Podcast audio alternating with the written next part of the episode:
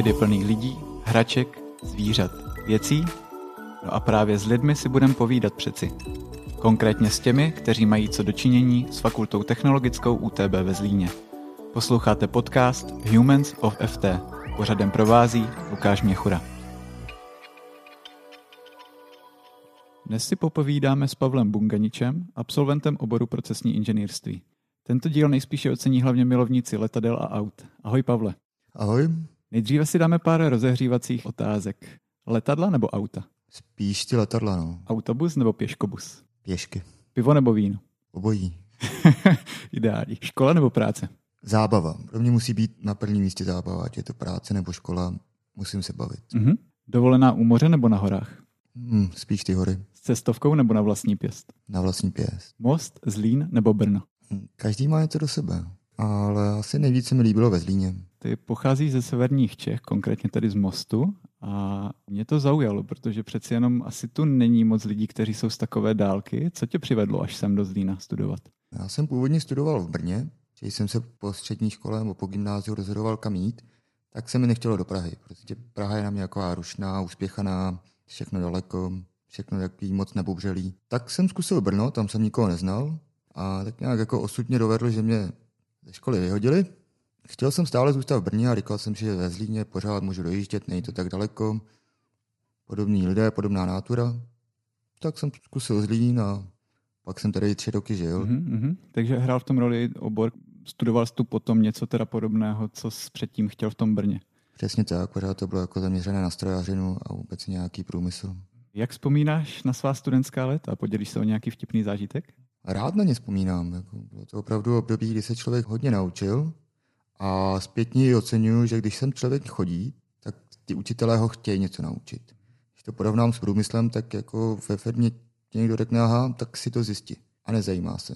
Určitě vzpomínám rád hlavně na ten přístup a nějaké vtipné zážitky, to, to asi nebude publikovatelné úplně. Já na to trošku navážu. Zjistil jsem o tobě, že prý se zrád účastnil hospodských kvízů. Chodíš na ně pořád? Už ne. Tady ve Zlíně to bylo v pohodě a když jsem se vrátil do Brna, tak jsem zjistil, že mám dva typy kamarádů. Jeden se přijde hrozně chytrej a přijde mu pod úroveň u nějakého kvízu pít a druhý se nechce u pití utravovat tím, že by odpovídal na nějaké otázky. že prostě jsem... OK, chápu. Teď trošku k té vážnější stránce studia. Který předmět ti dal nejvíc do praxe? Jelikož spíš jako zastávám takovou řídící, tak zpočátku to určitě byla logistika, což mě s paní doktorkou Baďurovou bavilo a opravdu to bylo praktické a hodilo se mi to. A hodně teď zase od pana profesora Paty tahám ze statistiky a vůbec zpracování dat, což je pro mě jaké důležité. A i výrobní stroje, půl roku jsem vlastně řídil údržbu, takže znát, jak vypadá extrudér a co je vevnitř, na co si dát bacha, na co si nedát bacha, to se také hodí.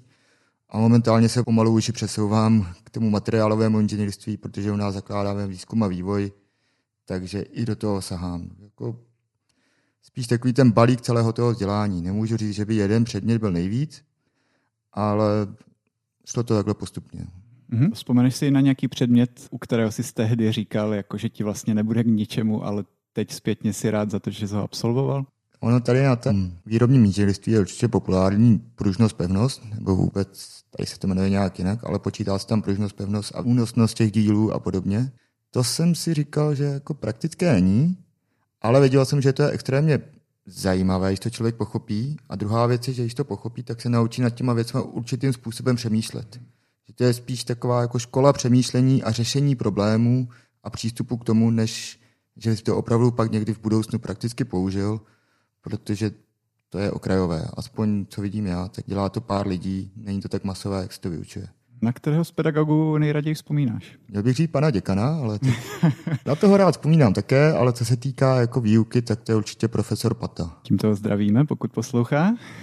Při studiu si vlastně pracoval na brněnském letišti. Pověz mi prosím o té práci víc, co přesně si tam dělal? Toho bylo hodně. Brněnské letiště je malé, takže v podstatě já jsem tam začal na brigádě, kdy nejdřív jsem měsíc odbavoval na přepážce, klasicky vám dávají letenky, oblepují kufry a potom jsem byl na gateu, to jsou ty lidé, co vám vyhlašují odlety, pípají vás zase na tom gateu, to tak měsíc. Pak jsem zbytek toho prvního léta dělal handling, což znamená, že letadlo přistane a je nějaký zástupce toho letiště, co jde, je zodpovědný za papíry, za všechny služby, co probíhají tomu letadlu, což je nakládání, tankování, výstup pasažérů, nástup pasažérů, nějaké technické úkony, vypuštění toalety nebo napuštění čerstvé vody a okolo. A to jsem vlastně dělal tak rok, rok a půl. Potom mě zase přesunuli na operačního, což je člověk, který sbírá informace tady od těch handlingářů, to jsou ty, co chodí od těch letadel, a posílá je dál. Posílá operační zprávy těm aerolinkám, zajišťuje ten servis, účtuje a vlastně všechno, co se s tím letadlem stane na zemi, tak handlingář je zodpovědný za to jedno a operační je zodpovědný za ty handlingáře, že to zpracuje a předá dál a teď je od prvotního e-mailu až po konečné vyučtování to šlo takhle přes toho operačního. Takže to jsem pak dělal zhruba dva roky. Mě pan děkan naznačoval i něco ve smyslu, že si vyvažoval letadla. Je to pravda? Počítal jsem to pro jednu leteckou společnost, která nechtěla platit za elektronické vyvážení, protože na některých letištích se to platí a ta letecká společnost tlačí na cenu, jak může. Je to Ryanair. Takže tam se počítal to vyvážení, and balance nebo load sheet ručně. V podstatě to je složitá matematika, ale na představu to není nic složitýho. Představte si houpačku a ten střed máte ve prostřed, tak aby se to vyvážilo. To letadlo má nějakou základní váhu, kdy je opravdu ten střed daný v tom prostředku. Prvně se natankuje palivo, což ten střed někam posune. Pak se někam dají kufry. Ty kufry se dávají do ty základní Boeingy 737 nebo Airbusy mají čtyři hlavní nákladní prostory, takže se počítá, kolik kufrů je v každém tom prostoru a to zase posune nějak ten střed. A pak se počítají cestující, že sedí v zónách, kdy každá zóna má nějaký počet sedadel a řeší se, kolik tam sedí žen, kolik mužů, kolik dětí a podle nějaké průměrné hodnoty, kolik by měl vážit muž, kolik žena, kolik dítě, se počítá zase, jak je ta váha rozložena a všechno se to dá dohromady a podle toho se určí, jak se posunul střed té houpačky pomyslné a když máte ocesní plochu, tu horizontální část, tak ta se podle toho celá naklápí a z důvodu toho, aby to letadlo, když zlítá nebo přistává, krásně sedlo a nestrychlo zadkem vozem. Takže díky tomuhle se to dělá a má to i vliv na spotřebu paliva a všeho okolo, ale hlavně se to dělá tady pro ten případ. Jak jsi k takové práci přišel, prosím tě? Měl jsi za sebou už předtím něco, z čeho jsi vycházel? Nebo jak se člověk naučí, co všechno vlastně musí vědět, na co dbát, aby jako náhodou něco nespočítá špatně? Nebo... Jako jsou školy pro piloty nebo pro letecký provoz, ale na tom brněnském letišti většinou začínají brigádníci, protože na léto jsou letní dovolené, takže je velký nárůst.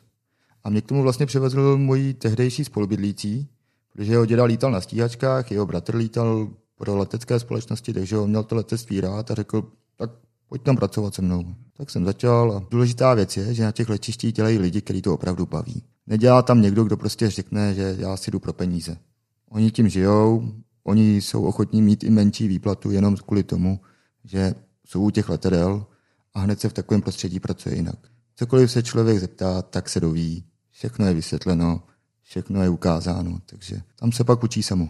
A nebál se třeba, že by některá tvoje chyba mohla způsobit nehodu? Protože já osobně bych se docela jako bál toho, já bych na to asi nervy neměl. Bál.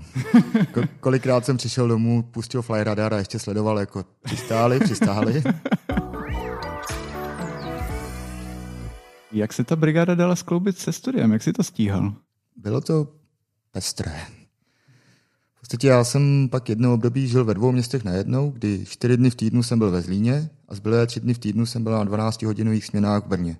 A tak nějak jsem pendloval a ten půl rok, rok se to dalo vydržet, ale pak už jsem řekl, že jsem došel do páťáku, takže raději jsem to letiště pustil na ten poslední ročník, protože už to nebylo únosné a do toho dělat diplomku a ještě se připravovat na státnice nějak jsem z toho neměl lepší pocit. A neuvažoval jsi třeba o tom, že by se potom studiu vrátil právě na to letiště? Uvažoval, ale trošku jsem se bál, že kdybych přešel do Prahy, větší letiště, větší místo, tak díky tomu, že už jsem v tom byl několik let a mám nějaké vzdělání, tak už bych asi nedělal to, co mě bavilo. Že by mě tlačili na nějakou pozici, která by spíš byla kontrolní, manažerská nebo takhle.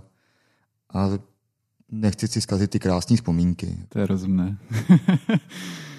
po dokončení studia si nakonec našel teda práci v oboru, který si studoval. Bylo to hledání náročné, nebo se ti podařilo najít práci hned v podstatě?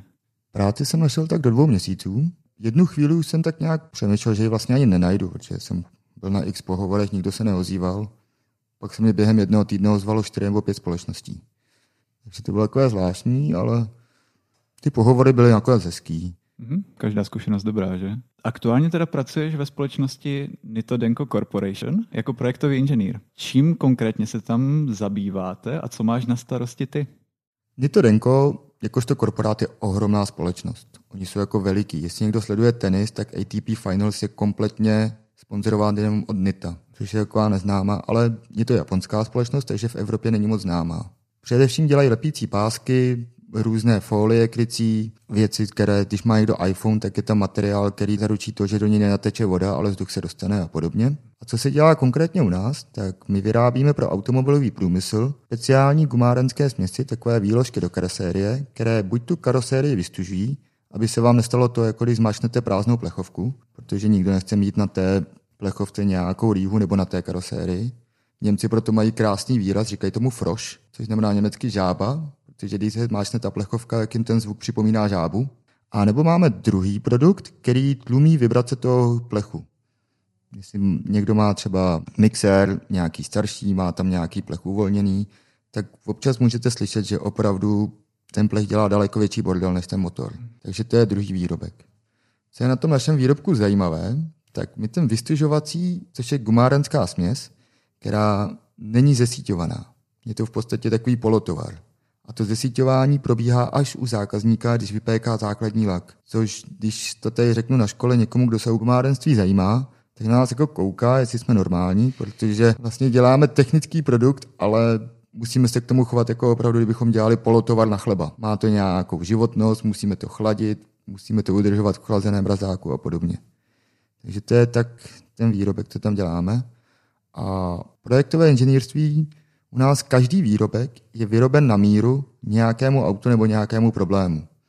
Takže my máme portfolio, sice ty materiály, těch máme pár, ale jednotlivých výrobků máme přes 400. A v automobilovém průmyslu zavíst nový díl, to není úplně jen tak, je v tom spousta papírování, celý proces, který se nazývá PPAP, další proces, který se nazývá APQP a podobně. Takže mojí prací je zajistit to papírování a zajistit tu výrobu tak, že zákazník dostane všechny díly v kvalitě, kterou požaduje, zabalený, jak požaduje a v čase, který požaduje. Možná se tě k tomu ještě doptám, co konkrétně tě na tom baví nejvíc. Říkal, že práce tě musí bavit, nebo cokoliv děláš, že hlavně, aby v tom byla ta zábava, tak co tě tady na tom nejvíc naplňuje? Mě tady baví ta různorodost, protože v tom průmyslu většinou jsou jednotlivá oddělení a ty oddělení si hledí vlastní práce. Většinou nekoukají doprava doleva, co dělají ostatní.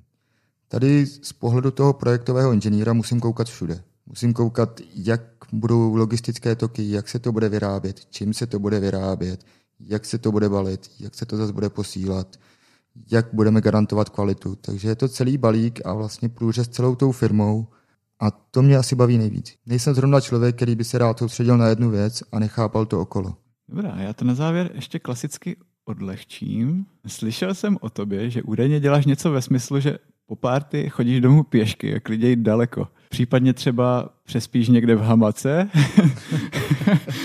tak eh, musím říct, že mě osobně je to teda hodně sympatické a chtěl jsem se zeptat, jestli právě z toho máš nějaký zajímavý zážitek z takového nočního putování a co tě k tomu vlastně vede takovou věc podnikat? Já chodím všude rád pěšky a po té párty občas prostě asi zná, že to nevíde, všichni zmizí a jako, co mám třeba dělat v pět ráno, tak už se mi stalo, že jsem jel z Prahy domů vlakem, ze Zlína taky. A zjistil jsem, že je to dokonce lepší, než někde přespat a druhý den se rozbitej trmácet, protože ten den tím prostě zabiju.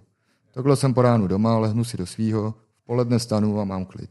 A to s tou hamakou, pro mě je to hrozný relax, když prostě vylezu ven a můžu spát někde v přírodě, nikdo mě neotravuje, vypnu si telefon. Takže to není jenom po párty, to je furt. Ty jsi tady dneska přijel kvůli Zlínskému Majalesu, tak se chci zeptat, plánuješ jít i po té akci do Brda zpátky pěšky, nebo jak to dneska vidíš? To ještě nevím. jako momentálně jsem domluven u kamaráda, že bych spal ve fristáku, ale minimálně ráno z toho fristáku asi do Zlína půjdu pěšky. To se projdu, vyčistím si hlavu. Nějaká procházka mě čeká během víkendu. Super, tak jo, tak přeju šťastnou cestu a moc ti děkuji za krásné povídání. Měj se pěkně. Ahoj. Tak jo, díky moc a taky se měj. Ahoj.